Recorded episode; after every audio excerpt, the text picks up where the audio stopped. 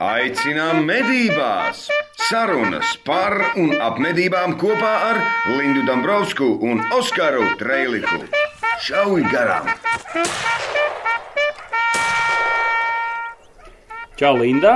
Oskar, čau! Sveicināti klausītāji! Esam atkal klāt ar nākamo kura- 17. 17. epizodi podkāstā Šauj garām! Un ar to arī beidzam? Ar to arī beidzam. Linda, pastāst, kā tev gāja Ai, man es. šajā mazajā laika periodā kopš iepriekšējā podkāstā. Bebra par maņiņu ir gājās. Nu, nu, nu. Es esmu nosēdējusi ap Indelim prieki. Es esmu nosēdējusi veselu nedēļu pie dīķa. Es esmu novedījis vienu bebru, bet es zinu, ka tur ir vēl trīs. Un viņi ēd tās sarkanās lazdas. Tās, Tās sarkanās lazdas kaimiņienei. Bet es nepadošos. Atstāju viņiem mazliet padomāt, lai liekas, ka viss ir kārtībā. Bet, nu, bija fantastisks pilnmēnesis, bet sēdēt pilnmēnesī un skatīties, kā tas bebrs tur upmalā kaut ko grauž. Tas ir fantastiski. Super. Mums ir atcelts facis pasākums Jā, Polijā. tas gribēju teikt. Tātad eh, mums joprojām ir eh, Mums ir vīrus. koronavīrus, jā, draugi mīļiem. Mums ir jābūt visiem ā, ļoti drosmīgiem, nē, bet Paldies, Linda. Paldies, Linda. Mēs Divas patreiz tie, pilītes. kas neredz, tie, kas neredz, ja divas pilītes, mēs dzirdat, ja? Šādi, ja mēs, mēs tīram rokas. Mēs uh, sekojam Krišāņa Kariņa mūsu premjerministra Jā. norādījumiem, ka ir jādezinficē rokas. Šādi, ja, tas jādara, eh, lai, lai Es jau konferencē to daru. jau konferencē to darīja. Nu. Mūsu viesis to darīja jau konferencē. Mums arī šodien būs viesis, mums būs foršas, fantastiskas sarunas. Jā, bet par to nedaudz vēlāk. Par to nedaudz vēlāk. Ko tu darīji, Oskar? Šeptējos pa saimniecību joprojām. Bebri pa mani arī ņirgājās ļoti konkrēti. Slāzdi ir tukši, lapsas nenāk, vējš liels, viss ir slikti. Kaut kā tā. Joprojām. Nu, vispār tā, tā nedēļa bija tāda diezgan slapja, drēgna un nekāda. Iztaigāja arī vēlreiz ragus apskatīja. Ja? Atkal nekā. Bet es kāds saprotu. Bet es saprotu, ka tagad tā ragu meklēšana ir pārvērtusies par baisāko sērgu, kā izrādās Amerikā, Jutas štatā. Tagad tiem, kas grib iet meklēt ragus, būs jāiet ētikas kursos, lai netraucētu šajā periodā dzīvniekus. Man liekas, ka mums vajadzētu vēl ne tikai šāda veida ētikas kursus, lai netraucētu pirmkārt dzīvniekus, mm -hmm. bet lai arī, nu, tā kā nenodarītu kaitējumus lauksaimniekiem. Jā, jo no, Juris Lazdiņš, mednieks un lauksaimnieks, bija pirms divām nedēļām, man liekas, ielicis Facebookā bildi, kā ragu no, meklētāji tu vienkārši. šo mašīnu vienu. Jā, bija vienkārši izbraukuši uz iesētu skaistu lauka, visu reāli sabojājuši, atstājuši sliedes un laimīgi iet un staigā meklē ragus. Ko tam lauksaimniekam darīt? Viņam nav tiesības, viņš taču naudu tur ir ieguldījis. Nu, loģiski viņam ir tiesības piedzīt šos te droši vien zaudējumus. Kā tu izskaidro to ragu ārprātu? Kāpēc, kāpēc tik šausmīgi jāmeklē ir? 10 eiro kilogramā. Varbūt šī ir atbilde. Tu domā, ka tas ir tas? Nu kā, nu, paskaties. Piemēram, kurzemē, kur ļoti liels blīvums ar eh, briežiem, um, esmu dzirdējis arī par ģimenēm, kur to dara tas rūpals ir katru gadu, ja, visi ģimeni iet un lasa, pielas vienu šķūnīti, mm, automobīlis, sakot, nekad mūžā neesmu atradusi. pielasi ragu. šķūnīti, otrs automobīlis. Bet mēs pirms kaut kāda laiciņa, pat man liekas, Induls gatavoja rakstu, ka mūsu visam, visiem zināmajam Dundurkungam bija nozaktas trofejas šī iemesla dēļ, ka maksā naudu. Nu, ne tikai Dauderos, taču arī uh, Remisim. Arī taču apzaga viņa to mednieku namiņu. Viņam bija nozāģēts viss, arī Facebookā viņš bija ielicis. Un es pat dzirdu, Drausmīgi. lietuviešu numuram gatavojam arī rakstu par to, ka tā ir, arī Lietuvā ir baigākā sērga. Nu, daudz runā, ka tieši tie, kas arī Latvijā apzoga namiņus un mednieku mājas, tie ir nu, lietuviešu sirotāji. Nu, glīst tāds baumas. Tev klīst tāds baumas, Glīst protams. baumas, jā. jo, jo viņam ļoti attīstīts arī ir šī, šo te ragu izmantošana. Viņi taisa rotas, tur taisa visādas lampas, krēsls un vēl kaut ko, un tas ir labs Man, bizness. man jau arī te ir ra, ragu rokas sprādze, ir bišķiņa ar ragiem. Iespējams, no kādas mednieku mājas. Ne, tas Vai ir Vācijā domā, pirkts, tas ir Vācijā tā tad atrast? Tā tad Visticamāk, atrast. Mēs jau nerunājam par to, ka nevajag meklēt, bet, ja jūs meklējat, tad iz, izturieties vajag ar cieņu, cieņu pret pret citu īpašumu, pret citu darbu. Nebrauciet uz lauka virsmu, ēd gar maliņu, galu galā izmantojiet binoklu, skatieties, to taču var visu redzēt. Un atceramies, ka tagad ir pavasars. Kas Jā. notiek pavasarī? Kas notiek pavasarī, Linda? Visas, visas, visas stirnas, briedenes, alnenes, visas ir ar mazuļiem, vēl nedzimušiem, un tādēļ šis ir tas laiks, kad mežā ir jābūt mieram. Šis ir saudzēšanas laiks, tādēļ arī mednieki neko nemedīja. Suņus jūnijam. mežā skraidīt, medības suņus tīpaši skraidīt, ja nespēja viņus atsaukt, nevajag laist. Jā, un priecāties par to, oh, kā mans suns dzenāja rukšus. Tas ir piemēram, ļoti ja? nepareizi. Nevajadzētu tā darīt. Un vienkārši piedomājam, ko mēs darām. Cien, cienam citus, cienam dabu, cienam viens otru. Un tā, par to, par ko mēs runāsim šajā podkāstā pēc mirklīšā. Jep. Aicinām medībās! Šauj garām! Esam atpakaļ studijā. Šodien mēs sēžam Latvijas mēdīju sanākšanu telpā. Man patīk, esam atpakaļ studijā. studijā, nevis lasītavā, no kurienes mūs izdzina šodien ārā. Jā, tur bija feināk, tur bija daudz smagas grāmatas. Man grāmatas labs patīk. galds. Bet, nu labi, mums arī te ir kafija un, Un šodien, jā, mums šodien ir viesis mūsu podkāstā. Viens no pirmajiem un uzticamākajiem draugiem, Eksperts. eksperts, mūžīgais eksperts, tāpēc, ka jautājums. jurists, Jā, jā. mūžīgais es- eksperts tādēļ, ka jurists un arī Latvijas mednieku savienības tagad valdes loceklis Arturs Surmovičs. Čau, Artur! Uh, jā, sveiciens, sveiciens Linda, Oskars, Čau, čau. visi klausītāji. Pāris vārdos, Artur, pastāsti, cik tu sen esi mednieks, kā tu tajā visā iesaisties un kāpēc tu to dari? Cik sen es esmu mednieks? Uh, ja mēs skatāmies, kad es nokārtoju un ieguvu mednieku apliecību, tad tie ir 18 gadi. Proti, tad, kad visi pārējie mani draugi pareizi darīdami kārtoja vadītāju šoferu apliecību, es kārtoju mednieku apliecību. Man pat bija tā, ka Redz, ka Um, man šaušanas eksāmenis bija uzreiz pēc matemātikas eksāmena vidusskolā, un brālis gaidīja pie skolas durvīm.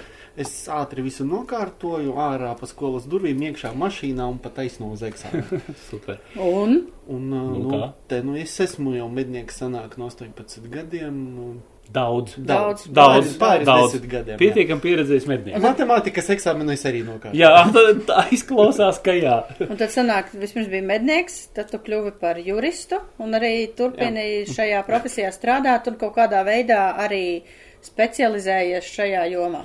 Um, jā, vienkārši vienā brīdī es sāku redzēt, ka medības var apvienot kopā ar jurisprudenci, ko nepārāk bieži darīja, un tur bija kur piedomāt. Un tā kā patīk gan viens, gan otrs, tad uh, tas bija tāds kā logisks secinājums to, to, to darīt. Proti, uh, kaut kā padomāt vairāk par juridiskajiem jautājumiem tieši medību nozarē. Ļoti labi. Ļoti feini īstenībā. Tu esi viens no tiem medniekiem, kur es ievēroju, kurš eh, labprāt seko tradīcijām. Mednieku tradīcijām, nu, īpašām tādām vācu, varbūt mednieku tradīcijām no tā gala.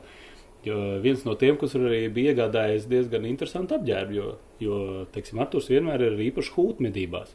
Tā ir? Tā ir. Es tā vienmēr esmu redzējis. Tā ir un tā hūte ir. Tas man bija viens no pirmajiem braucieniem uz Rīgu, un es to hūti ienācu Terbatas ielas veikalā. Vinārs, kāds Aha. varbūt atceras, Jā, jā, ka jā, tāds vecais bija, labais. kāds varbūt pirmo reizi par tādu dzird, un bija uz atlaidēm, un es izdomāju, ka man vajag. Protams, tad, kad es pirmo reizi ar to hūti atbraucu uz medībām, tas vairāk nekā desmit gadus atpakaļ, tad visiem bija tāds diezgan interesants uh, skats un, nu, no malas uz manis, un tā īsti nevarēja saprast, kur es tā ietērpies. Bet, uh, kā man šķiet, tāds pozitīvs piemērs ir uh, lipīgs. Un skaties, nepaiet ne divi, ne trīs gadi, vēl kāds ar hūti, vēl kāds ar hūti, kāds nomaina raibo. Es neesmu pret raibo kamuflāžu, bet esmu vairāk piekritējis tradicionālām zaļajiem vai brūniem.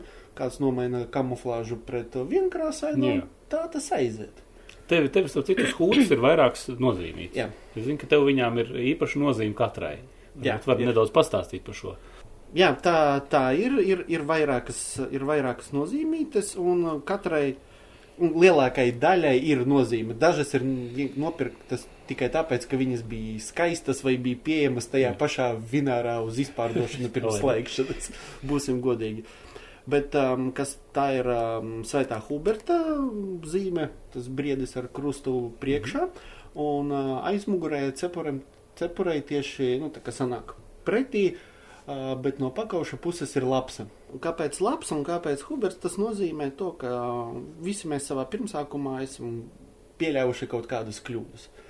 Un tas ir tas tā, mans ceļš no lapsas līdz Hubertam. Nu, katra cilvēkā vajag drāmu kaut kādu pārvērtību tā no, no um, situācijām, kad tu ne, varbūt ne pārāk lepojies par savu rīcību līdz situācijai, kad tu esi pārliecināts, ka tu dari pareizi. Un, nu jā, un ievadā, ko es vēl nepateicu, starp citu, un kādēļ es arī te uzaicināju, tāpēc, ka tu esi tas, kurš ir iedibinājis to jaunu, sauksim to par tradīciju, to par tradīciju. ikgadējo medību konferenci, kas notiek tagad jau ceturto reizi notika februārī. Jā, jaudīgi. Un jaudīgi. mums ir arī kāds kādreiz pajautājis, kāpēc tā konf konference vispār ir vajadzīga? Ko tu esi sapratis par četriem gadiem, kāpēc tas ir vajadzīgs? Es varbūt ar nelielu stāstu, kā tā doma par konferenci radās. Es braucu mājās no darba, un man liekas, to ā, darba ietvaros biju apmeklējis kaut kādu konferenci. Un es braucu, un pēkšņi man ienāk prātā doma. Juristiem ir, būvniekiem ir, arhitektiem ir, IT nozare ir, kāpēc nav medniekiem? Tādas platformas, kur satikties, parunāt, izdiskutēt, pastrīdēties, nu, īsāk sakot, izvicoties un pēc tam mierīgu prātu aiziet risināt kaut kādas problēmas. Nu, tad, uh, Linda, tu biji pirmais cilvēks, kam es zvanīju ar to ideju. Un Tad es palūdzu telefonu numuru Baumanim Jānim. Tad no Baumaņa Jāņa palūdzu telefonu numuru vai arī no tevis uh, Andiem Kreisliņam. Un tā uh, katru apzvanot. Tāds aizgāja. Um, tā doma, tā doma visus uzrunāja. Lai gan sākotnēji tas bija domāts kā mazs seminārs, bet sarunu gaitā mm, neceros, kurš teica, ka taisam plašāk. Tā tas ir arī aizgājis. Kāpēc to vajag? Es tos ieguvumus redzu vairākos līmeņos. Tāds. Pirmais, pats vienkāršākais ir, ko bieži vien nenovērtē, tev ir iespēja medniekam atbraukt un vienā vietā satikt Latvijas valsts mežus, valsts meža dienestu, policiju, citas iestādes, abas asociācijas un izrunāties. Parunāt par kaut kādām problēmām, parunāt ar uh, citu klubu pārstāvjiem. Um, tas, ko daudzi saka, mēs tur nevaram satikties un izrunāt par robežām vienoties. Nu, reku, jums ir pasākums, brauciet, runājiet savā starpā. Cits, kas ir būtiskākais un kas bija teiksim, galvenais konferences mērķis, ir nerunāt par kaut kādām sīkām lietām, kas viņas, protams, var apspriest konferences gaitā, bet tas nav pamata fokus. Nav pamata fokus cik platu lenti vilkt, vai kādas krāsas lenti vilkt dzinējumedībās, vai kā pareizi savilkt um, savilcēju. jā.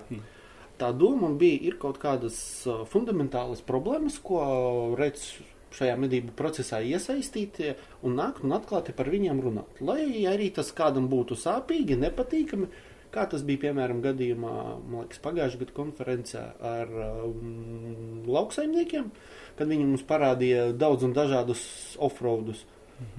Jā, tā bija tāda pļauka, bet tā bija pamatota pļauka. Varbūt medniekiem, varbūt ragu lasītājiem, bet, nu, būsim godīgi, dažreiz arī ir mednieki rīkojas kā rupši. Nu jā, bet ja par to publiski nerunā, kā tu var zināt, ka tu dari Nu, ka tu dari nepareizi? nepareizi, ne? Tieši Jā. tā. Nu, lai gan manā ieskatā tā varbūt ir tāda lieta, kas jābūt tādā morāles līmenī pašsaprotamam, bet, nu, atkal, ja apkopo to visu, bet kas tur ā, vēl bija svarīgs, ā, tas bija tāds divpusējs process, kad mednieki pateica arī klau, bet, nu, mums kaut kā tur ir jātiek, tad varbūt atstājiet lauka malā kādu gabalu, kur mēs varam piebraukt. Vai kā mēs varam novērst jūsu postījumus, ja jūs ar līdzi ar meža malu iestādat tur kukurūzu rapsi vai vēl ko, nu kā es redzu, ka tā cūka nāk. Un um, tad gan mednieki kļuva saprotošāki, gan uh, lauksaimnieki, manuprāt, sāka vairāk saprast tās vajadzības, kas ir medniekiem.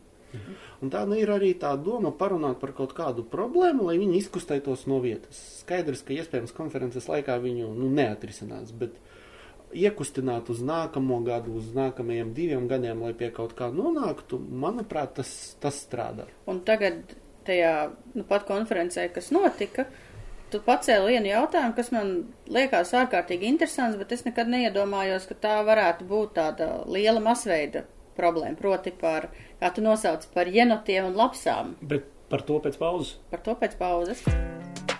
Aicinām medībās! Šauj garām! Turpinam sarunu, esam atpakaļ studijā. Mums Sarunu viesis šodien ir jurists Arturs Surmovičs, kurš konferencē Medības 2020 pacēla vienu ļoti interesantu tēmu, kāpēc mēs arī viņu šodien aicinājām par jenotiem un lapsām. Mēs nerunāsim par medījumiem dzīvniekiem, mēs runāsim par cilvēku, mednieku savstarpējām attiecībām viena kolektīva ietveros, mm. kad kāda cilvēku mm. grupa grib pārņemt varu un pat nereti to arī izdara.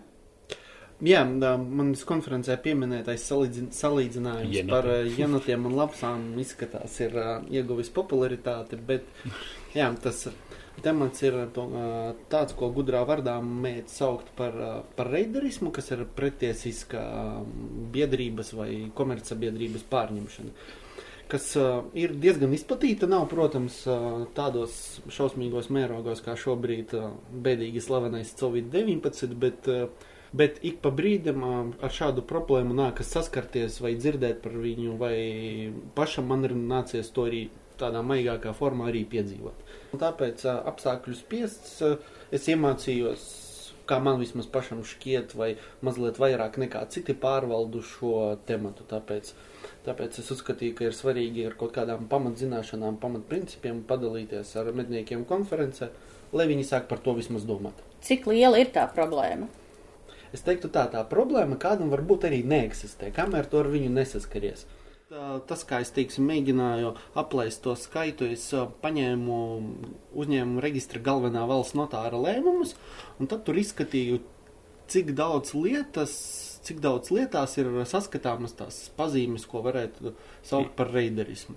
Un no tā man sanāca, ka uz attiecībā uz visām biedrībām, ne tikai mednieku klubiem, varētu tā rupi teikt, ka kādi 40% no lietām, ko izskata uh, galvenais valsts notārs, ir saistīti ar uh, reiderismu maigākā vai tādā smagākā formā. Tas ir reiderisms ir tā, ka klubā ir kaut kāda cilvēku grupa, kurā mēģina uh, nelikumīgā veidā pārņemt varu no pārējiem. Tā es to nu, saprotu. Nu, Tīri tādā klasiskā um, izpratnē, jā, pretlikumīgi, bet um, šī reiderismu kontekstā arī jāskatās cēloņi, kāpēc, ko es arī stāstīju konferencē, kāpēc tas notiek. Un bieži vien tas ir, tas ir legāli, bet nepārāk ētiski notiek. Jo, um, ja tev nav nekādu papīru un tu uztaisi savējos, nu tad īsti otrai pusē nav nekādu instrumentu, lai pierādītu, ka tava darbība bija, bija nelegāla. Bet tas ir tāpatās, kā, piemēram, ir kaut kādas zemes, kur iepriekš kāds ir medījis, bet līgums nebija noslēgts, un tagad kaimiņš vienkārši noslēdz līgumu, tad tā otra puse ir nikna par to, ka līgums ir noslēgts. Vienkārši tā pirmā puse nebija sakārtojusi tos savus papīrus. Nu, principā, jā, tā. Jā, tīri no tāda no ētiskā viedokļa mēs varam kaut kādu morālā saprast, ka jā, tajā gadījumā varbūt nebija labi, jo visi zināja, ka tā platība attiecas pie tā otra kluba, bet uh, līguma nav un nav arī nekādu, teiksim, ierobežojumu aiziet ar viņu noslēgt. Skaidrs, ka pēc tam sākas kaškis, bet tas jau ir cits stāsts. Klau. Tagad sanāk, es tā bišķiņ pamēģināšu tagad salikt punktus uz i, nu, nedaudz, ja, mm -hmm. varbūt tās tā kā atsaucoties uz kaut kādu nosacīto pagātni, ja, tad, tad Visi mednieku kolektīvi pēc savas uh, būtības ir biedrības vai nodibinājumi. Tā bija jābūt. Tā vajadzētu būt. Tas sākās, cik es saprotu, 2000. gadu sākumā, kad uh, parādījās biedrība nodibinājuma likums. Un, un faktiski visiem formējumiem, kas bija mednieku kolektīvs kaut kādā veidā kaut kur reģistrēts, viņiem bija jāpārto par biedrībām. Jā, bet prasās daži precizējumi.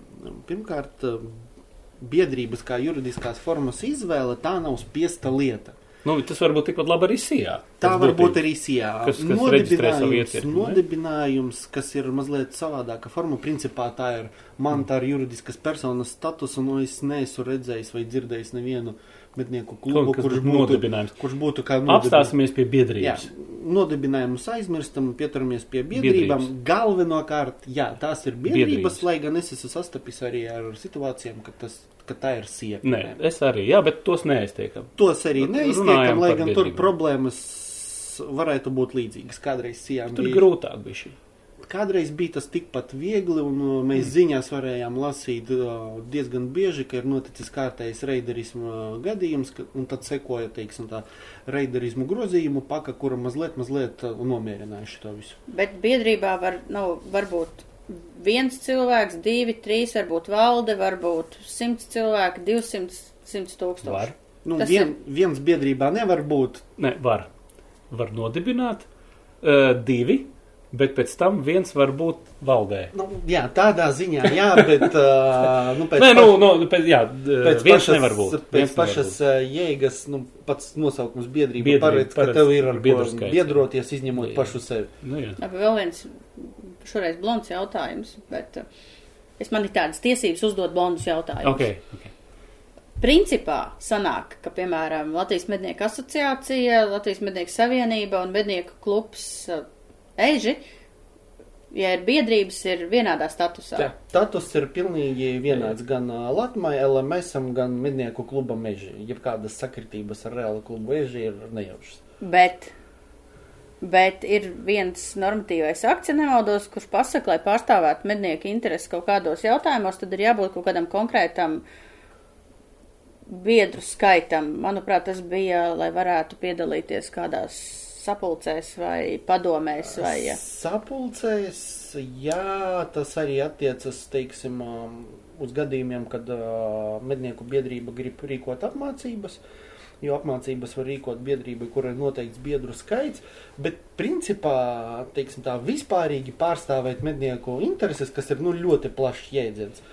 Var arī biedrība ar uh, diviem cilvēkiem, trim cilvēkiem. Mēs esam lieliski to pieredzējuši citās Ar kaķu Ar tantiem. kaķu tādā es gribēju teikt. citās ar nozarēs, kur jā. uh, Nu, jā. ieroču apretes likums, ā, 16 gadnie, 16 gadnieku jautājums, kur tev atnāk kaudze ar biedrībām, rada plašu, teiksim, sabiedrības pārstāvības, es pat teiktu, fikciju. NVO atnākuši barā, mm -hmm. vai ne? Rokās Pārstāv sabiedrība. sabiedrības intereses, un nu, viņi deklarē, ka pārstāv sabiedrības intereses, bet cik daudz tās sabiedrības apakšā zem tās biedrības, neviens īsti nezina, kur slēpjas uh, visas biedrību problēmu sakne. Proti, neviens īsti nezina, Tas jautājums nākamais, bet ar to Kas ir- sāk atbildēt. kas ir biedrības biedrs Jā. Cik daudz? un Cik cik, daudz, daudz? viņi ir. Vai Ja viņi ir pat- reģistrēti? Ja pati biedrība par to nerūpējas, Klau, eh, biedri nav jāreģistrē uzņēmuma reģistrā. nav. Tur mēs reģistrējam tikai valdi. Jā, nav un vēl jau vairāk, ā, pat ja tu gribētu reģistrēt, tu to nevarētu izdarīt, jo tā nav ziņa, kas ierakstāma reģistrē saskaņā ar uzņēmumu reģistra likumu. Tātad tas ir, iekš, tas ir iekšējais kārtības Tas ir jautājums. iekšējs. Ja tā mazliet runājam analogijas, tad iedomājamies akciju sabiedrību, kur ir 101 akcionārs, kuru arī neviens nereģistrē, bet tur ir akcionāru registrs, kur valde godīgi pieraksta katru akcionāru. Nu, tad tā lai, tā, lai visi, kas klausās, saprastu, ja mēs runājam par mednieku interešu pārstāvniecību kaut kādās valsts iestādēs, tad vienā kausā liek, piemēram, tādas lielas organizācijas kā Latma un LMS, un pretstatā ir, sauksim, nu tā, brutāli sauksim par kaķu taņtu organizācijām, kurās ir 5, 2, 4 vai 20 cilvēki. Nu, Un viņu šajā viedoklis, kontekstā. mūsu viedoklis un viņu viedoklis tiek tā kā likts, tā kā tiek mērīts līdzīgi, līdzvērtīgi.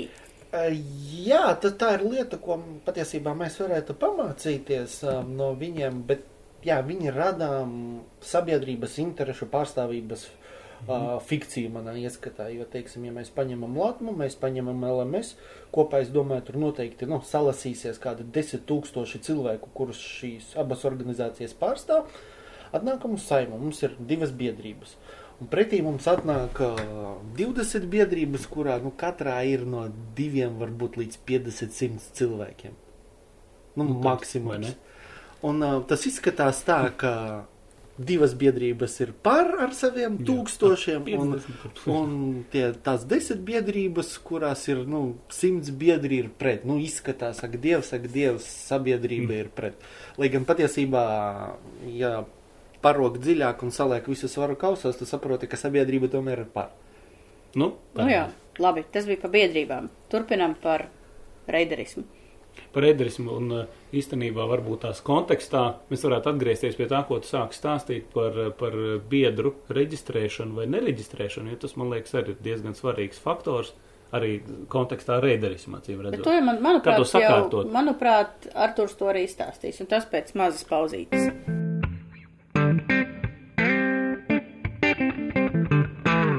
žurnāls medības, marta numurs, viss kaut kādas foršas, interesantas lietas ir receptes, ir par normatīviem aktiem. Ir arī intervija Jāna Pūtela, par kuru, ar kuru mēs, starp citu, iepriekšējās uh, ekstrā runājām podkāstā, kas ir uh, Latvijas, kas dzīvo Amerikā un medī. Jā, ir, ir Mītī par munīciju, par ieročiem. Tu lasi žurnālu medības ar to? Protams, es lasu, tas ir, tā ir dāvana, kuru es jau tradicionāli katru gadu sagaidu no uh, saviem tuviniekiem. Tāpēc es viņu neabonēju, bet es zinu, ka viņš man būs. Ļoti labi. Kāpēc, kāpēc tu lasi žurnālu medības? Nu, tāpēc, ka tev ir dāvana, jā, bet kāpēc tu ieteiktu citiem to darīt? Tagad jau jāsaka, ka tas ir viens no retajiem avotiem, kur iegūt aktuālu informāciju par ā, medību nozari. Un otrkārt, man no paša sākuma patika koncepts, kas ir gan nopietnas tēmas, gan nepārāk nopietnas tēmas. Un tā viss ir, viss ir līdzsvarā, kas, manuprāt, ir žurnāla medības panākuma atslēga, ka ir gan par nopietnākām tēm, tēmām, kam gribas par kaut ko padomāt un paskumt, gan jautrākas tēmas cilvēkiem, kuriem gribas Cool. lasot pasmaidīt. Kā kā- piemēram Madara Zariņa interviju, kas es smējos ilgi un dikti par dažiem citiem. Madara Zariņa intervija bija pirms pāris mēnešiem, vai ne? Jā, bet mēs viņu varam Tas ir kā, tas bija viens stāsts, kā viņš stāstīja par to, kā vienu mednieku Jā, noķēra jā, trīs kur- institūcijas. kur, kur tas mednieks, vismaz pēc Madara Zariņa stāstītā, iznāca ārā un tad nobļāvās, vai ir vēl kāda iestāde, kura mani šovakar nav sodījusi. Lai gan, kā, lai gan kā juristam man varbūt daži jautājumi bija par to, cik, cik teiksim, tiesiski tas viss tika darīts un cik pamatoti bija par visiem uzskaitītajiem pārkāpumiem tieši tajā vietā sodīt konkrēto mednieku, bet tas ir cits stāsts. Tas par to mēs pastāstām. Un tādēļ-. Tādēļ es vienmēr esmu uzsvērusi, ka medniekiem ir jāzina savi likumi un savi noteikumi, medību likums, medību noteikumi. Un ja jūs šos noteikumus un likumus zinat, tad jūs neviens inspektors nevar iebāzt maisā un jūs zinat, kā kurā situācijā rīkoties. Tādēļ lasiet žurnālu medības, jo mēs katrā numurā skaidrojam, kādas normas no ieroču aprits likuma, no medību likuma, no medību noteikumiem. Žurnāls medības reiz mēnesī prestižniecības vietās abonējiet, lasiet elektroniskajā lāpuma cilvē. Vēl ir interesanta piebilde. Es, kad rakstīju rakstu par Ulmaņa laika medībām, un uh, pēc tam arī par uh, vāciešu medību likumu, tur bija interesanta norma paredzēta, ka, lai uh, medītu kārtējā sezonā, medniekam bija jāuzrāda apdrošināšana un viena no diviem žurnāliem abonements. Tālūk. Kas bija, O! kas O! bija abonements, bija kā nosaci, nosacītā sezonas karte. Kas ir varat sajaukt kopā, vai ne? Kas ir baigi forši? Kas, ja tā padomā, idejiski ir nenormāli prātīga doma. Jo, ja tu esi mednieks, tev kaut kas ir jāzina, līdz ar to, lai zinātu, tev ir kaut kas jālasa. Un, ja tu piespiedu kārtā abonē žurnālu, kaut vai piespiedu kārtā, tu gribot, negribot viņu paškristi palasi. Nu, mēs piespiedu kārtā neko neliksim cilvēkiem abonēt, jūs to varat darīt Nu, bet brīvprātīgi. kāpēc? kāpēc? Un pasties, abonē žurnālu medības gadam, vai ne? Un iegūst ko? Sezonas karti. No, bet par to mēs parunāsim citā podkāstā. Lasiet žurnālu medības.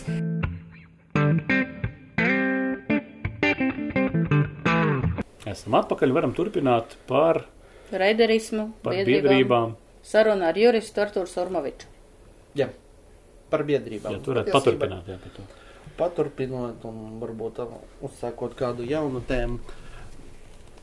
Reiderisms ir patiesībā sekas sliktai biedrību pārvaldei, manā ieskatā, nu, savas saimniecības, savas organizācijas pārvaldei. Šeit varbūt mazliet ir jāpieskaras, kāpēc tieši biedrība, jo kāpēc mm, mednieku izvēle ir kritusi uz biedrību. Jo pirmkārt tas tāds ideiski ir, sporta klubi ir biedrības, kaut kādas interešu grupas arī ir biedrības, medības savā ziņā arī ir vairāk, teiksim, pielīdzināms kaut kādai interešu grupai, nevis uzņēmēji darbībai. Tāpēc biedrības viņas tik, tiek izmantotas kā tā juridiskā forma. Viņa ir lētāka pārvaldē, jo, teiksim, ja tā būtu, piemēram, sija un mums nāktu kā, klāt jauns biedrs, jeb šo dalībnieks, mm. tad mums būtu jāiet pie notāra, jāiet uz registru. Un... Tur kaut kāda nodokļu režīms arī ir cits. Jā, jā, jā, protams. Nemaz nerunājot par nodokļiem, jo tad ir jautājums, kā mēs maksātu biedra naudas, jo tad tas ir ja tā ir sieta, tas vai nu tas ir aizdevums, vai tā ir pamatkapitāla ne. palielināšana. Īsāk sakot, pat tajā virzienā nav pat ko diskutēt, tas būs pārāk sarežģīti un ilgi. Biedrība tādā ziņā lieliski atļauj operēt ar līdzekļiem, saņemt vai nu ziedojumus, vai nu biedra naudas, viņus izlietot uh, statūtos noteikto mērķu sasniegšanai. Iespējams, veikt kaut kādu darbību, bet atkal jāsaprot, ka tā darbība ir aprobežota tikai ar statūto, statūtos noteikto mērķu sasniegšanu. Tā nedrīkst būt peļņas gūšanas tāda rakstura komercdarbība. Biedrība jau pēc būtības ir bezpeļņas organizācija. Bezpeļņas organizācija, nu, nu peļņa var būt teorētiski, bet tu viņu nevar izņemt kā peļņu. Nu, tāpēc, ka... Man īsti nepatīk tas uh, bezpeļņas organizācijai. Viņai var būt peļņa. Nē, nu var būt peļņa. Bet uh, viņas eksistences jēga nav peļņas, gūšana. Jā, tā būtu pareizs formulējums. Jo, ja nu, biedrība ir bezpeļņas, tad praksē tad tās saimniecības organizēšana var diezgan bēdīgi izvērsties. Jo, nu, tad uh, stigas jātīra par līgumiem ir jāmaksā un tam līdzīgas lietas. Tā kā peļņa tur ir, bet viņa izmantojama skaidri noteiktiem mērķiem. Mm. Un tāpēc, ka tā ir tāda brīva interešu grupa, manuprāt, likums paver nu, lieliskas iespējas izpausties kā vien katrs grib un uz ko katra fantāzija ir spējīga. Tiesībā biedrību un nodibinājumu likumā ir visnotaļ daži ierobežojumi, kad skaidri jābūt statūtiem. Visu pārējo tā interešu grupa un mednieki konkrētajā klubā var izdomāt pēc saviem ieskatiem. Veidot padomes, veidot biedrus ar īpašu statusu, kas ir goda biedri, kandidāti un tam līdzīgas lietas. Viņu uzņemšanas, izslēgšanas kārtību. to visu var rakstīt, anēnojas par izteicienu uz vela paraušanu. Mm -hmm. Likums to neierobežo. Cita lieta, viņš kā teiksim, kā likums, biedrību un nodibinājumu likums, viņš kā instruments paver plašas iespējas, bet tur ir jābūt zināmai kompetencei, lai, lai šīs iespējas izmantot. Nu, gluži kā ar tālšaušanai pie, pielāgotu ieroci. Nu, protams, var arī šaut tālu un precīzi, bet tev ir jābūt arī attiecīgajām prasmēm un zināšanām, mm. lai to visu izmantotu. Tātad taisot statūtus, ja? Mm -hmm ja mēs viņus uztaisam apzināti nepareizus, nu, no reiderisma viedokļa, piemēram, tad mēs viņus nevarēsim noreģistrēt. Manuprāt, gan vienkāršāk sanāk, ka tās nepilnības citreiz izmanto, lai īstenot reiderismu. Nu, nu, tā jo, doma. Jo statūtos jau tur ir tas. Bet tu nevari ierakstīt. Sarakst, tas... Vai ir tā, ka tu vari ierakstīt statūsos muļķības, ja, un, un, un notārs to pieņems? Kā es teicu, ir daži ierobežojumi, kas, piemēram, attiecas uz uh, sapulču izsludināšanu, mm. uz uh, biedru izslēgšanas kārtību, tie ir Tad... precīzi noteikti, kam mm. tur ir jābūt. Teiksim, uh, iedotas minimālās prasības, kuras nedrīkst pārsniegt. Mm. Vispārējo izpaudies Kā tu gribi. Kā, kā tu gribi. Un, protams, var arī sarakstīt arī pilnīgās muļķības, bet, ja tu saraksti pilnīgās muļķības, nu, tad um, gaidīt kaut kādu labu rezultātu pēc kāda brīža būtu diezgan nu, jā, muļķīgi. Diezgan muļķīgi diezgan muļķīgi. Vairāk tāpēc... uz ko es velku arī uz to, varbūt tās, nu, rūt, mēs to varēsim parunāt vēlāk, bet principā gribās iedot tādu praktisku šprici, e, ja, lai, lai biedri, varbūt tās esošie kolektīvi nav par to aizdomājušies, bet sāktu aizdomāties, ko tad īsti darīt, kā sakārtot dokumentus, lai, lai izvairītos no šādiem gadījumiem. Manuprāt, arī Arturs konferencē stāstīja par to, tu varētu var to visu izstāstīt. Jā, pirmais. Um, teiksim, ja mēs runājam par biedrības pārvaldi, te ir jāzina, ar ko ar pirmo sākt, bet laikam sāksim ar kaut kādu nepieciešamo dokumentu paku, kas ir tāds must have, kā Stakis teica, tā trauksmes tas čemodāns, kurš tev mhm. vienmēr ir. Uh, un pirmkārt, tie ir, protams, statūti. Statūtu kāda galvenā doma, uh, tur, kā jau teicām, var visu kaut ko likt, bet pats galvenais, lai tie statūti atbilst tai reālajai dzīvei, pēc kādas jūs dzīvojat. Kā to pārbaudīt? Paskatāmies apkārt uh, savā kluba sapulcē. Tur piemin tādu vārdu kā biedra kandidāts. Mhm. Ja piemin, atšķiram statūtus un paskatāmies, vai statūtos ir ierakstīts kaut kas par biedra kandidātu. Jo, ja nav nekas ierakstīts par biedra kandidātu, tad jautājums, kā viņš, uz kāda pamata viņš tur eksistē. Ja tur valde paraksta lēmumu pieņemt personu, tur Jāni Bērziņu, klubā, par kandidātu, tad visticamāk to var traktēt, kā viņi ir uzņēmuši par biedru. Un uz, uzņemt par biedru nozīmē to, ka viņš var realizēt visas biedra paredzētās tiesības, proti, piedalīties kopsapulcē, balsot, Balsot. kas ir svarīgākās. Un, uh, tas ir ļoti labs tests. Pēc tam paskatieties, vai jums tās sapulces tiek sasauktas tā, kā jums ir rakstīts uh, statūtos. Visticamākais rakstveidā nosūtot paziņojumu pa pastu, kas ir no veciem laikiem ir palicis, kad nu īsti citu komunikācijas veidu mm, nebija pārāk daudz. Pat telefons bija ne visiem. Bet kopš tā laika jau ir pagājis labs laiks, un jāpadomā, jūs joprojām sasaucat tās sapulces tā, kā ir rakstīts statūtos, vai tomēr jums ir WhatsApp grupa vai Telegram grupa, kur jūs uzrakstat, hei, mums sapulce tad un tad. Bet tas divas nedēļas iepriekš izsludināšana, Jā. tas ir noteikts likumā, vai tas ir statūtos, var ierakstīt to laiku, da jebkādu? Divas nedēļas ir ā, attiecībā uz, ā, Pilnsapulce. uz noteiktām situācijām. Pilnsapulce. Ja pilnsapulce vienkārši grib atsapulcēties kopā un parunāt, tad uh, viņa var arī kaut parīt sapulcēties. Bet, ja pilnsapulcē tiek svarīgi, skatīti svarīgi jautājumi, kas ir valde, uh, valdes vēlēšanas, statūtu grozījumi, tad tur ir tās divas nedēļas. Nedēļas. Kāpēc? Nu, prasīs, neviens jau neizsakos, kad mēs sasaucam, neviens neskatīsies WhatsApp gru- grupā, kad ir izziņots, kāpēc tas ir svarīgi, kāpēc tas ir jāievēro, kurā mirklī tas var tā kā atnākt atpakaļ. Tas ir svarīgi tāpēc, ka, lai biedru sapulces lēmumi būtu spēkā esoši un saistoši, viņam jābūt izsludinātiem pienācīgā kārtībā. Pienācīgā kārtība nozīmē arī to, ka tu izsludini laicīgi, lai biedriem būtu iespējams sagatavoties sapulcei, uzjautāt valdē, ko viņi grib uzjautāt par šīs sapulces darba kārtību, ies, iespējams iepazīties ar lēmumu projektiem. Proti, tas nav tāds kā negaidīta pļauka mm -hmm. no stūra, ka opā, O, sapulce pēkšņi. tāds jautājums. Bet tas ir, tas doma ir tāda, ka, piemēram, ja sanāk kopā vīri, izdomā, mēs te taisīsim apvērsumu, un uh, sas, ne, sasauc to sapulci nepareizi, tad, ja kādam ir pretenzijas pret tam, tad šis ir viens no tiem punktiem, kur var Jā. teikt, ka tas nav noticis pareizi saskaņā ar likumu, tādēļ jūsu tie lēmumi nav spēkā. Jā, tā, par to, protams, būs jāpastrīdas ti- tiesā, bet, jā, proti ā, sapulcei, tas sasaukšanai kārtībai, kā jūs sasaucat, ir jābūt tādai, kāda ir ierakstītas statūtos. Un, lai jūs pēc tam varētu parādīt, ja nu kas, ka sapulce bija sasaukta tiesiski, bet mēs visu laiku steidzamies notikumiem pa priekšu un visu laiku gribam nonākt pie tās interesantās daļas, kas ir apvērsumi, bet Lēnu garu, jenatiem. lēnu garu. lē- Bet, par jenatiem. Jenatiem. Bet tas ir tas, ko es ā, stāstīju arī konferencē.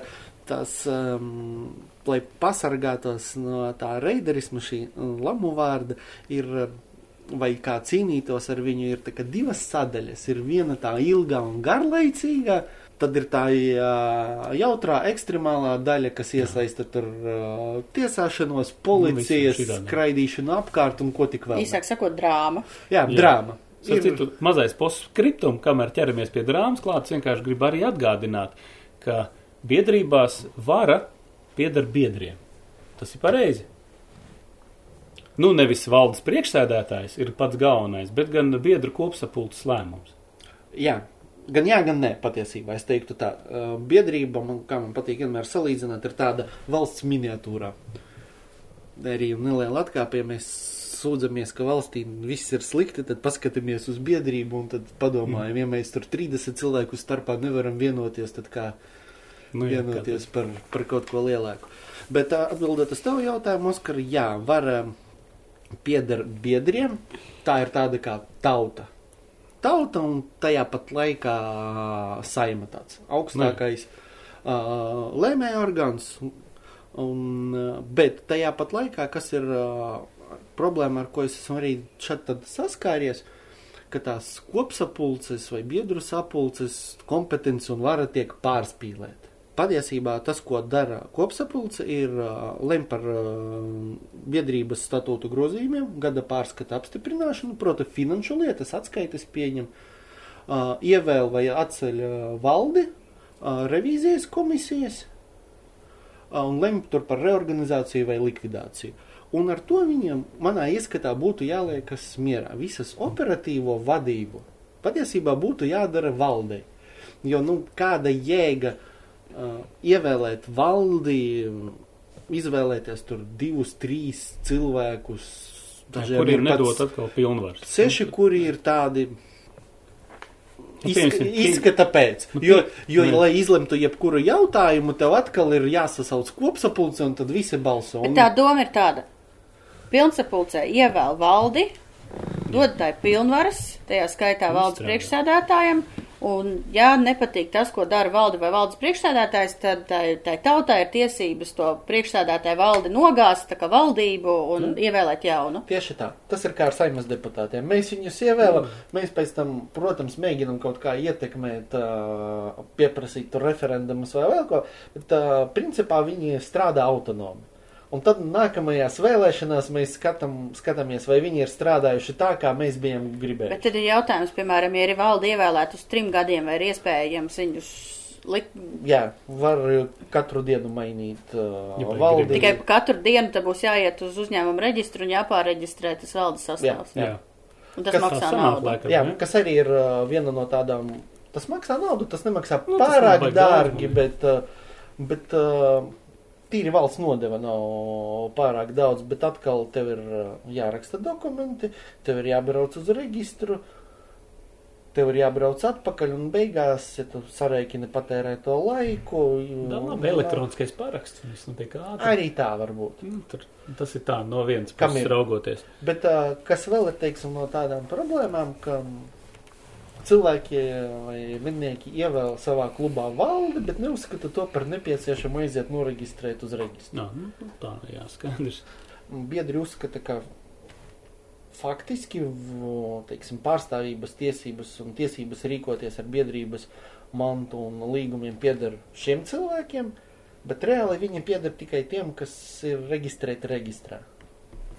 Un uh, bieži vien tur sanāk konflikts. Vēl tāds, tam nu. Vēl tad sanāk, ka kopsapulcs var arī nepieņemt eh, jaunos biedrus. Nu, ja vien kā ir noteikti statūtos, acīm redzot. Tas ir kā ir Šo not... rūpalu var atstāt arī uz valdi. visbiežāk. Un, kad, kad arī tie ienot var ienākt, zin kā. Nē, vi- visbiežāk parasti. Uh, Nu, mums parasti tas notiek kopsapulcē. apvērsums nāk no skaistums, nāk Ah, no iekšām, kā ah, tas tad- bija slavenais nu, nu, teiciens. jā. Visbiežāk tas uh, nāk no kluba iekšpuses. Ļoti ir reti gadījumi, kad ir kaut kas no ārpuses. Un tāpēc ir jādomā, kāpēc, kāpēc notiek tieši tā, kā notiek, un kāpēc tas notiek no kluba iekšienes. Kas attiecas uz biedru uzņemšanu, ļoti izplatīta situācija ir tāda, ka statūtos ir ierakstīts, ka uzņem valde, praksē balso visi, un tad uh, to nekur nepiefiksē un nesaprot. Nu, kam lielāks spēks? Tad jautājums ir, kopsapulcē vai valdē? Valdes lēmumam. Ja, piemēram, ir ierakstīts statūtos, ka var pieņemt biedru valde, bet uh, biedri tā kā kopsapulcē iebilst un grib uh, tomēr redzēt jauno dalībnieku, ar viņu parunāt, un, un visi, pieņemsim, vienbalsīgi nobalso par. Aicinām medībās! Šauj garām!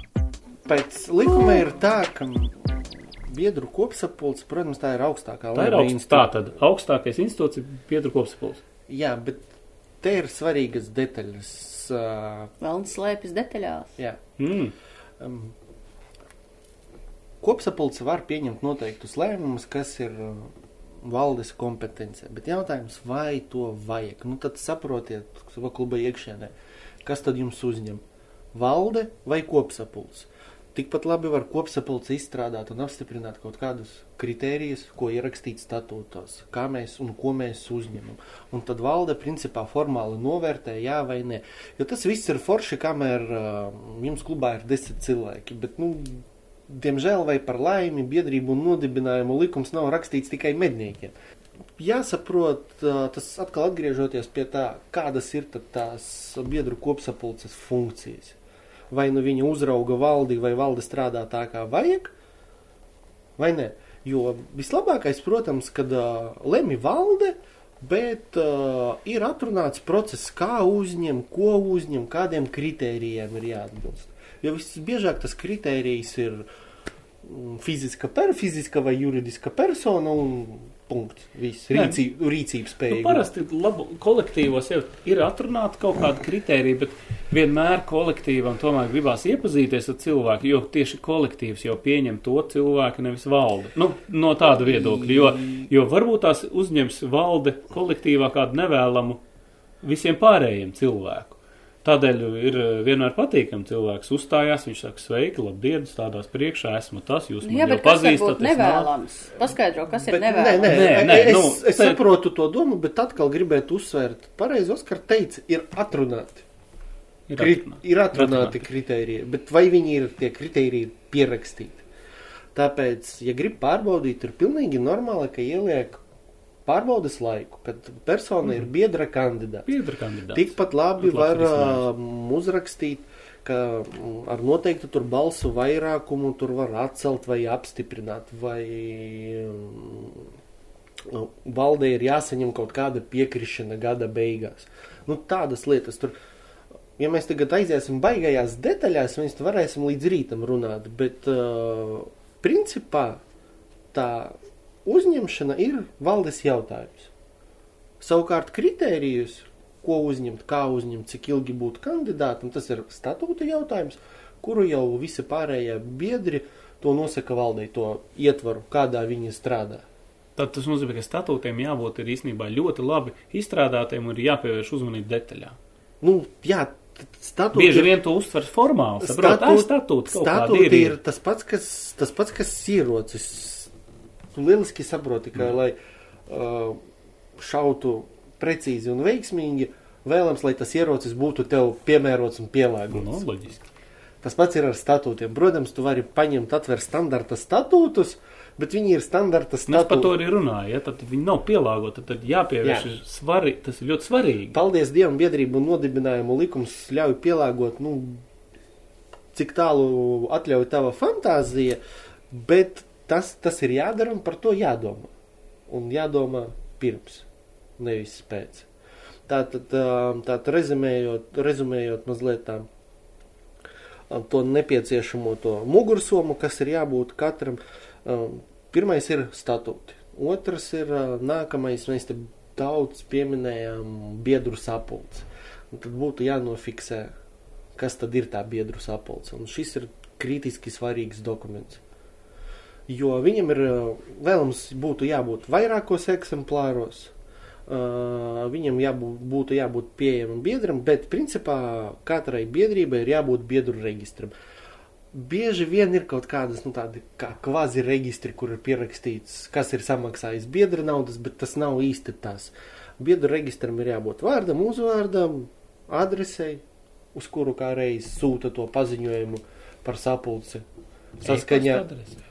Var arī e-pasta adrese, bet uh, Nu, nevajag, personu dati, personas kods. jā, bet nevajag arī pārāk aizrauties ar visādu datu vākšanu, kas iespējams pat nav nepieciešami, jo grozi kā gribi arī biedrības, un, liekas, pagājušā gada konferencē stāstījām, ka arī mednieku klubi tomēr ir uh, fizisko personu datu aizsardzības likumus. Nē, nē, nu labi, labi, bet Bet iedomājies. uh, kas ir Nu, nepieciešamais? Vārds uzvārds, personas kods, Nu, jā. adrese, Vienkārši Excel tabulā. Nu, jā, kaut kā. izdrukātā Izdrukātā. Parasti. un parakstītā. Aicinām medībās! Šauj garām! Vēlreiz un lieliem burtiem. Biedru sarakstam ir jābūt izdrukātam uz lapas ar vārdu, uzvārdu, kaut kādiem Personas datiem, kodu. personas kodu Jā. un kontaktu. Un jābūt ir pieejamam pēc pieprasījuma visiem pārējiem biedriem, lai redz, kas ir kas. Biedriem un arī uh, tiesību sargājušām iestādēm. Un kas draud ar to, ja šāda saraksta nav? Tas beigās mēs beidzot mēs pie tiem jenotiem esam Nē, nonākuši. vēl nē. Vēl nē. Vēl nē. Mēs vēl- mēs vēl to koferīti vēl šķirojam, kam tad saspringumā. Jā, bet rezumējot, izdrukāts, parakstīts vai parakstīts elektroniski, bet kaut kur viņš eksistē kā spēkā esošs dokuments, protams, ar juridisko spēku, nevis vienkārši izdrukāts Excelītis, mm -hmm. piekārts pie sienas un visi priecājas. Dokuments ar juridisku spēku, tas ir datums, paraksts, Vieta, vieta. paraksts. Jā. Okay. Un ar nu, virsrakstu, kas tas tāds ir, Jā, nevis biedru reģistrs. vienkārši papīrs. Kas ir- biedru reģistrs uz tādu un tādu datumu, saraksts, paraksts. Paraksts. Datums. Tieši tā, vēl ko būtu labi patiesībā no tāda praktiskā viedokļa biedru reģistrā norādīt, no kura datuma persona ir biedrs. Tas kādā brīdī var palīdzēt. Labi. Svarīgi arī tas, ka biedru reģistru regulāri nu, vai pēc vajadzības ir jāatsvaidzina. Nedrīkst uztaisīt tā, ka tu nodibināji biedrību, tur pagāja gads, uztaisīja reģistru, tad tev desmit gadus biedri staigā turpat pakaļ un tev nekas nemainās. Proti, aiziet biedrs, nu nav tik grūti atvērt to Word vai Excel dokumentu, izdzēst lieko, vēlreiz izdrukāt, parakstīt, pateikt, reku, šis ir mūsu jaunais biedru reģistrs. Un ko tu liec pie sienas? Jā. Kāpēc tas ir? Nevar pie sienas likt, jo tad uh, personu dati būs. Nē, nu, redzami. mēs varam aizklāt. Anonimizēt. ielikt Nu, es domāju, ar personu datiem arī nevajag aiziet tādā baigajā histērijā. Nevajadzētu gluži pagastā pie sienas uh, nu, mednieku mājā jau var būt. Nu, kāpēc nē? Nē, nu ir svarīgi zināt, nu, personas kodam jābūt, jo citādi. Labi, ne pie sienas Nu kā? var iekārtot mapīti, Nu, kur ir mapīti. uh, biedrību Ok. lēmumi, protokoli, kas ir pieejami biedriem, nolikt viņu un tad Kaut viņi nav, kopijas, nu, tad. jā, nav arī pie sienas. Jā, ok. Un kāpēc ir svarīgs biedru reģistrs? Uh, Biedru reģistrs svarīgs tāpēc, ka ir biedru sapulce, kas ir uh, augstākā lēmēja institūcija, kura ievēl valdi, groza statūtus un dara Un citas vajag kvorumu. svarīgas Kvorumu. lietas. Jā, vajag kvorumu. Un līdz ar to, ja, lai tev notiktu sapulce, tev ir jāsaprot, kas ir biedri, kurus tu vari laist šajā tel telpā, kur notiek sapulce, un balsot par noteiktiem jautājumiem, un kurus ne. Jo tajā brīdī, mm, tajā brīdī, kad tev nav biedru registrs, mm, teiksim, tie pieminētā jenuti var izdomāt, ka viņi, nu, ir laiks kļūt par jenutu, un pēkšņi pateikt, ka reku šie cilvēki ir biedri, reku ir uh, Labi, mums, mēs, Registrs. mēs visu laiku lietojam vārdu jenots, mums vajag atšifrēt, ko tu domā ar vārdu jenots. Kāpēc uh, Jenas, laikam, jāatgriežas mazliet pie konferences? Uh, Kāpēc ienots? Tur, bija, tur bija stāsts, no kurienes to reiderismu gaidīt. Proti, vai nu no iekšienes, vai nu no ārpuses. Un uh, manā prezentācijā pie iekšpuses bija vienkārši Jenata bilde, un pie ārpuses kaut kādiem apdraudējumiem bija ielikta labs. Labs. Viltīgā lapsa un, un izmanīgais ienotiņš. nekādas baigās domas, jo, nu, Jenots ir tas, kurš tev tu tur dzīvo turpat ciematā un visu laiku ielavās, pa, vismaz cik var redzēt YouTube video, pa durvju škirbu kaut ko nofenderēt. Nu, jā, kaut kā tā. Un par riskiem tagad, beidzot. Mēs izlaidām vēl vienu svarīgu dokumentu Nu, sadaļu, Kādu? kas ir vajadzīga tai uh, pilnai pakai visu lēmumu dokumentēšana. Protokolu. protokoli. Proti, kas ir ā, kopsapulču protokoli, un viņas nevajadzētu taisīt tā kā baigi formālus. Sapulce bija tad, apstiprinājām, jā, nu, mazliet arī atreferēt, Kas tur bija? Jā. kas tur bija, ko runāja, ko izlēma, un arī protokolu atbilstoši noformēt. Proti, mhm. sapulces vadītājs, protokolis parakstās datumi, kad izsludināta. Īsāk sakot, tie, tie paraugi ir un ar viņiem var ā, visiem palīdzēt. Otrs ir arī valdes lēmums. Valdes lēmums arī vajag protokolēt, tīpaši tajos gadījumos, kad valde lēma par kādas personas uzņemšanu vai izslēgšanu no biedrības. Tas nozīmē protokoli valdes lēmumiem un pilnsapulces lēmumiem. Jā. Jā, tieši tā. Tas arī ir pēc tam svarīgi, lai biedri saprot, nu, kas tad ir noticis. Nu, iedomājieties atkal pēc analogijas ar valsti, ja saima kaut ko izdomā mums likumu, bet eh, nepierakstīsim, nu, ko tur. Ā, Un nu, tad tādā atnāc un, opā, ir, izrādās ir tāds likums, kur es ar viņu varēju iepazīties. Nu. Nekur, jo viņš nav pierakstīts. Vai uh, ministru kabinets izdod, pieņem kaut kādus noteikumus, bet viņus nekur nepublicē, nepieraksta un tikai pēc tam iet un piemēro sankcijas. Tas ir uh, ļoti svarīgi, jo uh, šie visi apstākļi, kad nedokumentē lēmums, kad nav skaidrs, kā notiek, ka- kas notiek biedrībā, kāpēc izvēlējās to vai citu lietu. Tas viss motivē cilvēkus, biedrus, bieži vien visnotaļ pamatoti pārvērsties par to ienatu.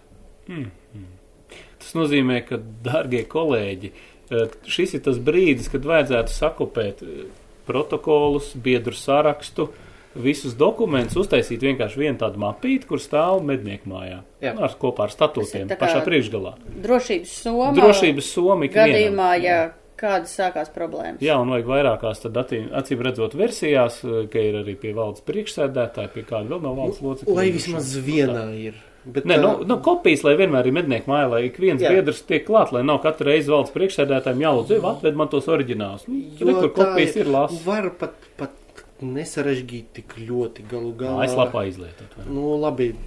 Tu tā, ne, ne, es pateicu, nesarežģījumi, un tu piemini mednieku kluba mājaslapu. Nu, cik daudziem Nē, klubiem ir iereģistrēt. Ir vēl nē. Sarakstījāt protokolu, Jā. parakstījāt, nofočējāt, aizsūtījāt kluba WhatsApp čatā. nu, ja, kam un- ir WhatsApp chats? Jā, Jā, kam ir WhatsApp čats? Nu, jā nevienmēr. Principā Nē, ok, ok, ok. WhatsApp Pārsvarā čats ir visi. eh, izplatītāks nekā kluba mājaslapa, būsim godīgi. Nē, nu labi, labi, tas bija tā, bet. Viņa eh, aplikācija saglabā, tur var atšķirt sadaļu docs, un tur viss ir. Nu, visi redz. Ļoti laba. Ļoti Jo- laba doma. Jo, protams, Apsveicu. vēlams, lai ir vismaz vienā eksemplārā, bet tikai vienā nebūtu vēlams, jo Var nodegt.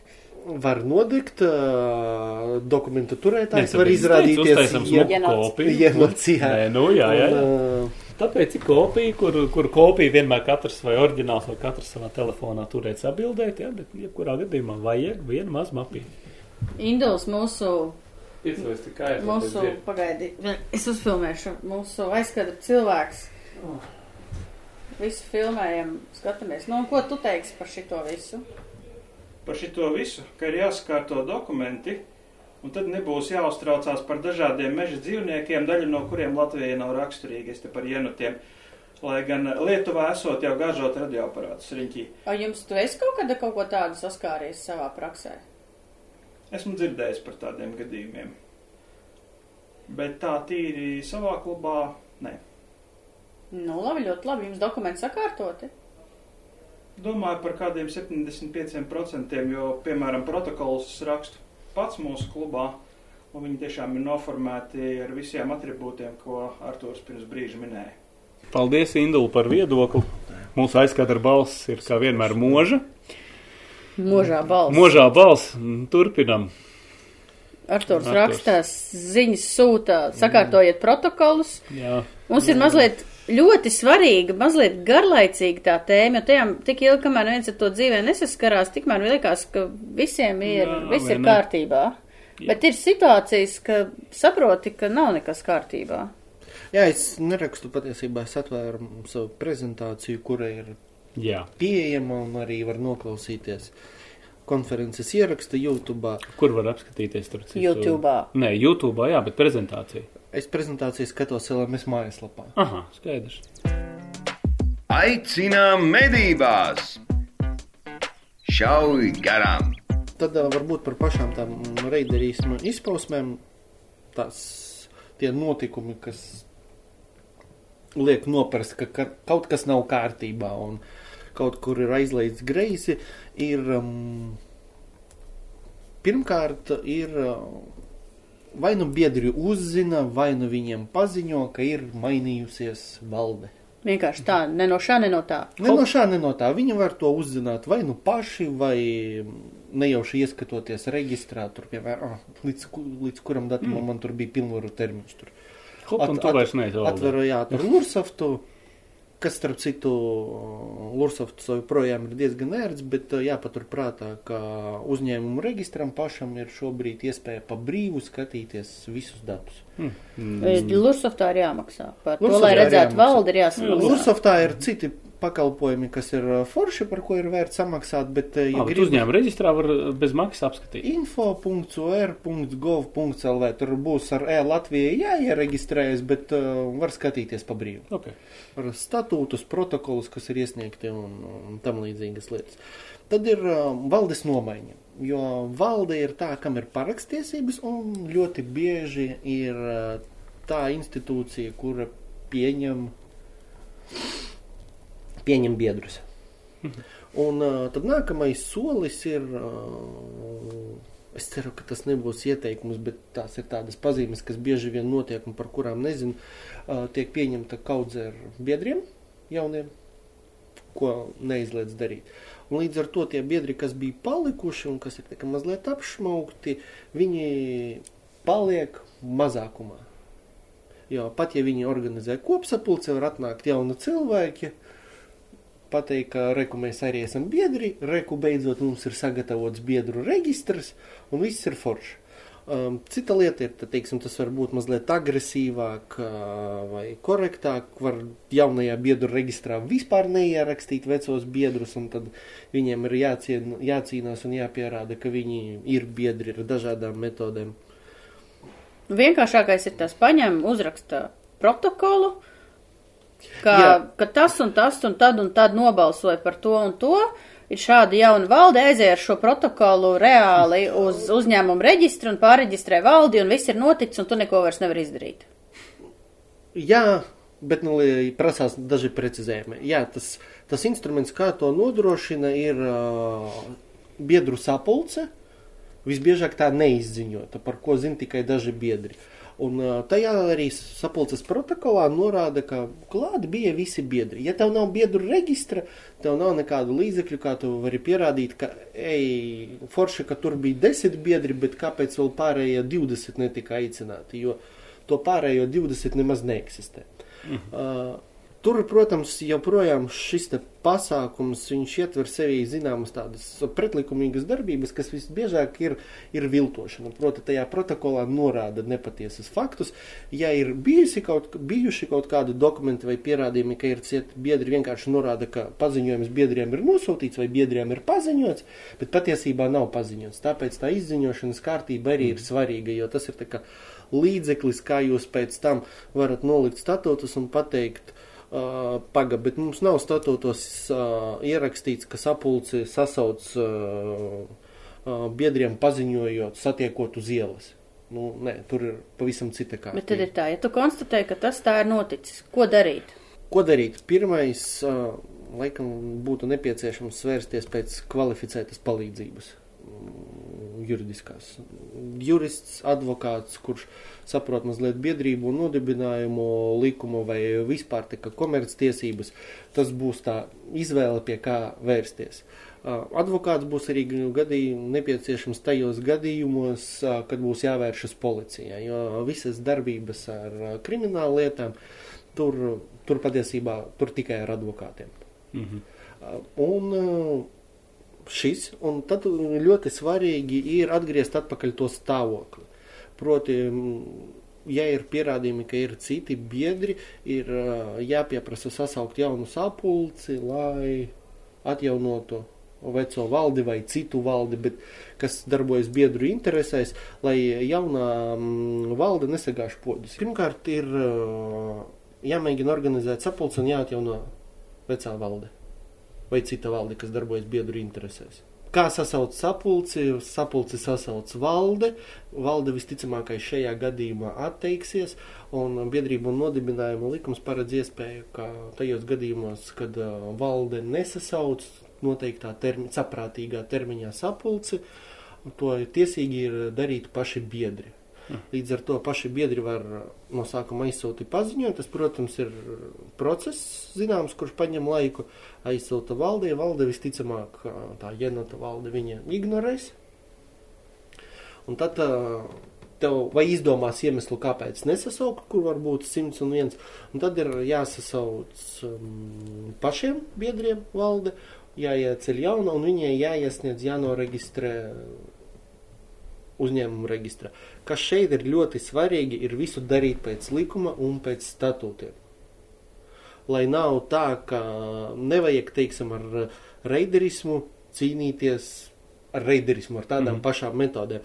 Jo tas, ko beigās sanāks, ne jūs atrisināsiet problēmu, bet diezgan ar, nu, ar Ar garantiju iebrauksim auzās. Ar garantiju iebrauksiet auzās, ko mēģināt saukt arī par kriminālu procesu. Nu jā, es par to.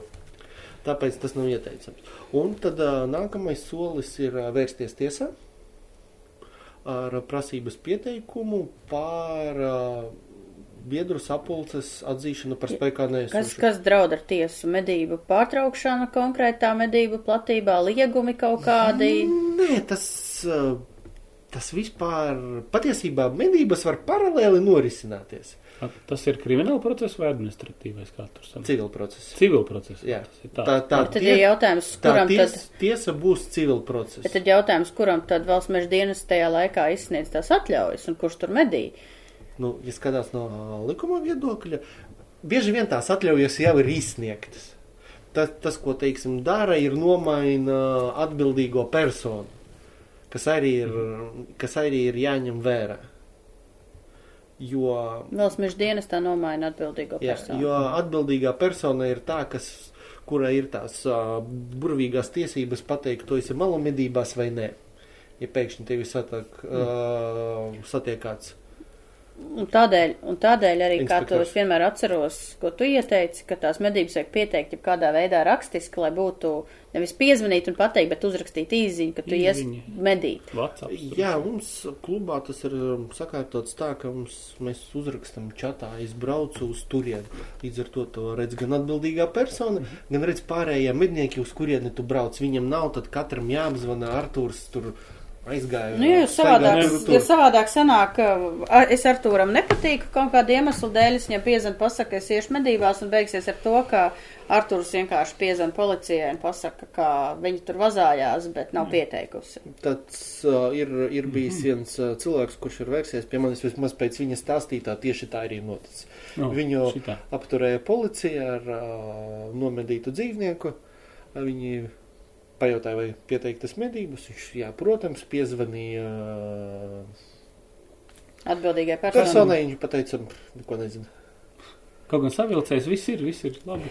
Kluba biedrs savās platībās. Jā, jā, jā. Medības nav sakot, pieteikts. Visu gaidu. Dargie draugi, lasītāji, skatītāji, klausītāji, Izmantojiet modernās tehnoloģijas. Visu, tas- ir par to, ka Artūrs Surmovičs ir pieejams Instagramā, Facebookā un palīdzēs ar konsultācijām. Jebkādi kašķi kolektīvu iekšienē starp kolektīviem, ja tas iznāk uz āru, plašākā sabiedrībā, tas izskatās vienmēr šausmīgi briesmīgi. Jautājums, vai vienmēr vajag tādus kašķus taisīt, un vai ir vērts taisīt apvērsumus, bet lai, kā saka, ja tu sevi pats nesargāsi, tad neviens cits nesargās, tādēļ vajag sakārtot visus dokumentus. Lielākos vilcienos jau mēs šajā sarunā izgājām tam visam cauri. Pēc tā, kā mēs runājam, man liekas, šis būs viens no garākiem podkāstiem. Un uh, vēl piedevām, man liekas, ir daudz jautājumu, ko mēs neizrunājām, tā kā mēs kādreiz arī vēl Arturu uzaicināsim ciemos. Aicinām medībās! Šauj garām! Nu jā, mēs atkal gribētos uzsvērt, ka svarīgi ir sakārtot to nūgīgo daļu, to papīru darbu, lai pēc tam nav jāņemas ar šito. Bet kas ir svarīgi un ko vienmēr palaiž garām, kāpēc viņš rodas iekšienē, tas reiderisms. Nu, un kāpēc? Kāpēc? Nu. Nu. Tāpēc, ka mēs vienreiz ar vienu cil- tur kolēģi jokojamies, ka tāds standarta no 90. gadu klubs valde sastāv no kā? No vietējā pagasta priekšsēdētāja, ā, mērnieka ā, un veterinārā ārsta. Ah, Tas ir tas. Tas, starp citu, tā ir. Trīs tā ir. stūris. Trīs stūris, Tas jā. ir tāds standarta nemainīgais komplekts. Jā, jā, jā. Bet pa to laiku, kamēr šie cilvēki ir pie varas klubā, atnāk jaunieši. Tad, tad tas ir tāds dabīgs, tieši tas pats, kas dabā. Viņiem ir kaut kādas idejas, kaut kādas vēlmes, iniciatīvas. Un, ja tu visu laiku viņas ignorē, tad tas konflikts briest līdz vienam brīdim viņš pārsprāgst. Atkal nav skaidrības par to, kā izmanto finanšu līdzekļus. Visi maksā godīgi savu biedra naudu, kā viņi izlieto, kam viņi izmanto. Nav skaidrs. Līdz ar to kādam rodas uh, sajūta, ka kāds tur mazliet ar savām mazajām jenata roķelēm pagrāb Sagrāb kaut, Kaut ko ko. tur kaut, kaut ko pagrāb.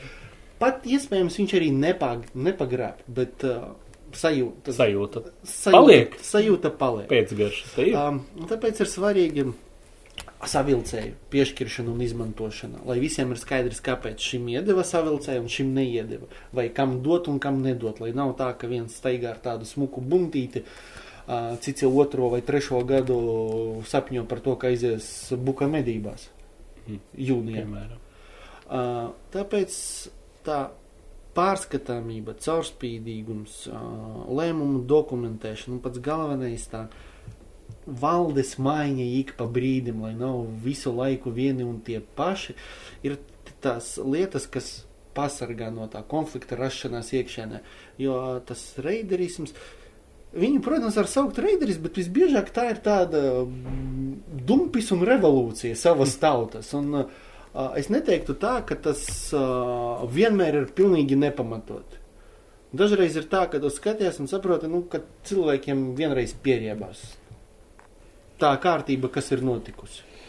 Nu, tāpēc, ka ir viena daļa, kas grib mainīties, otra daļa, kas negrib mainīties. Citi baidās no pārmaiņām. Pat ir citreiz pat ir otrādi. Citreiz tā, ka valde grib ieviest jaunas lietas, savukārt vecie paši Negrib. briedri negrib to ieviest. Un tad arī tas ir pamats kaut kādiem uh, revolūcijai un protestiem un vēl kaut kam. Jā, tāpēc jāseko tam, kas notiek līdzi. Nevajadzētu, teiksim, kašķēties arī ar meža un zemju īpašniekiem. It īpaši, ja viņi ir tava kluba biedri un pilnībā tā ignorē, tur uztaisīt diagonālā offroadu, pateikt, mēs šeit medīsim, un, zin kā tā anekdote par rezīti un cērkociņiem. Tas ir rezis, un viņš šeit tagad dzīvos.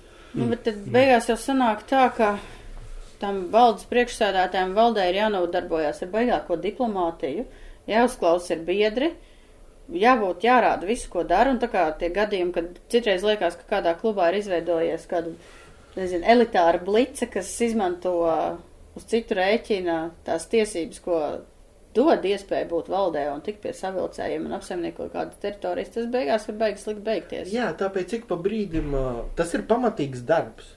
Tas ir darbs vadīt ā, organizāciju. Ā, Jā, protams. Tā, tā nav maza organizācija. Tā ir organizācija, kur ir vairāki desmiti cilvēku, kur apsaimnieko tūkstošu hektāru platības. Tāpēc tu pastrādā, izdarīji savas idejas, tu nogursti no tā visa. Un iedot iespēju pastrādāt citam, lai Jā, viņš atkal saprotu, kur baidās. tas ir. Bet atkal baidās zaudēt varu, un tad uh, tas viss beidzās ar to, ka negrib vairāk uzņemt jaunus briedrus, kas noved pie tā, ka jauni biedri, jauni mednieki netiek klubos, un tad izdomā, ka nevajag taisīt biedrības ar daudz biedriem, un tad vajag biedrības ar maz biedriem, un Um, Lasīju vienā grāmatā, un šeit tas, tā ideja, kas tur bija aprakstīta, varbūt ne, ne pārāk precīzi nocitēšu, bet viņa bija tāda, jo ilgāk režīms turas pie varas, jo asiņaināka un postošāka ir viņa aiziešana. Mhm. Jo viņš jebku, tas nav jautājums vai, tas ir jautājums kad. Neviens nav mūžīgs un visi mainīsies. Un, uh, jo ātrāk tu, tev ir iespēja aiziet kā valdes priekšsēdētājiem vai valdes loceklim, kurš daudz ko sasniedza kluba labā un tagad ir godājams biedras pelnīta atpūtā, vai tu vari aiziet kā uh, kaut kāds despots un tirāns, kurš līdz pēdējiem elpas vilcienam turējās pie Bet savilciena. atkal no otras puses ir jau arī fantastiski līderi un gudri cilvēki, kuri var Jā. demokrātiskā veidā pat tikt ievēlēt. Ne tā kā Putins maina konstitūciju pēc pieciem gadiem, bet uh, demokrātiskā veidā to klubu arī vadīt 30 gadus. Un ja tur nav problēmas, tad kāpēc kaut kas ir jāmaina? Mēs jau, mēs jau neaicinām ar šo sarunu uz buntu. Mēs, Nu, nu, nē. mēs mēģinām. Uh, li, Te mēs, te mēs nonākam laikam līdz tam, jo caurspīdīgāk, kā tu stāstīji, ir procesi notiek biedrībā, jo, jo kolektīvam ir labāk. Jā. Tas arī ir viss. Tas ir- Un, protams, ka varbūt viens priekšsēdētājs, ja viņš ir cienījams, viņam tas patīk, visi viņu ciena, viss Tad notiek. uh, visticamākais, ka Tāpēc tur nē. biedram, ja viņu ik pa uh, termiņam pārvēl visu laiku 30 gadus, Tad tad visticamākais, ka biedriem nav jautājumu. Tad laikam kaut ko uh, tas priekšsēdētājs dara pareizi, bet Nu, atkal nav tāda nu, universālā risinājuma visiem. Kādam der viens, kādam der cits. Tāpēc par to ir jādomā un tas ir jādara. To nedrīkst tā pašplūsmā atstāt. un ar to arī šoreiz beidzam. Beidzam. Mūsu saruna, gara saruna, brīžiem tādas Smaga. smagas. Un šitā bija smaga smaga saruna, ļoti, ļoti tāda pēc likumiem un uh, brīžiem garlaicīga, bet ļoti noderīga. Mums šodien saruna bija ar juristu Artūru Surmaviču. Meklējiet viņu Instagramā, meklējiet viņu Facebookā. Jā. Ja kādi jautājumi vai vēl kaut kas, podkāstus var klausīties LA.CLV sadaļā klausies. Mums LA ir tagad arī vēl viens podkāsts, kas saucās pie nācijas šūpuļa, kas stāsta par Latvijas vēsturi, neseno vēsturi, kā mēs Latvija atbrīvojāmies no padomju Savienības sloga, kas ir ārkārtīgi interesanti. Man kā vēstures mīļotājam šis ļoti patīk. Tur patās lā.lv pienācīs šūpuļa. Klausamies mūsu vēl Spotify, Apple Visos, podkāsts, jā, Google podkāsts. Veselā virknē citu podkāstu servisu. Spiediet, laikojiet, dalieties, Jā, dalieties. pastāstiet draugam, Un šaujiet garām. šaujiet garām. Jaktē Un būtu sakārtojiet dokumentus. Jā, pievēlā. pie vēlna. Sarunas par un ap medībām kopā ar Lindu Dabrovskiju un Oskaru Trēliku. Šauj garām! Ha ha ha.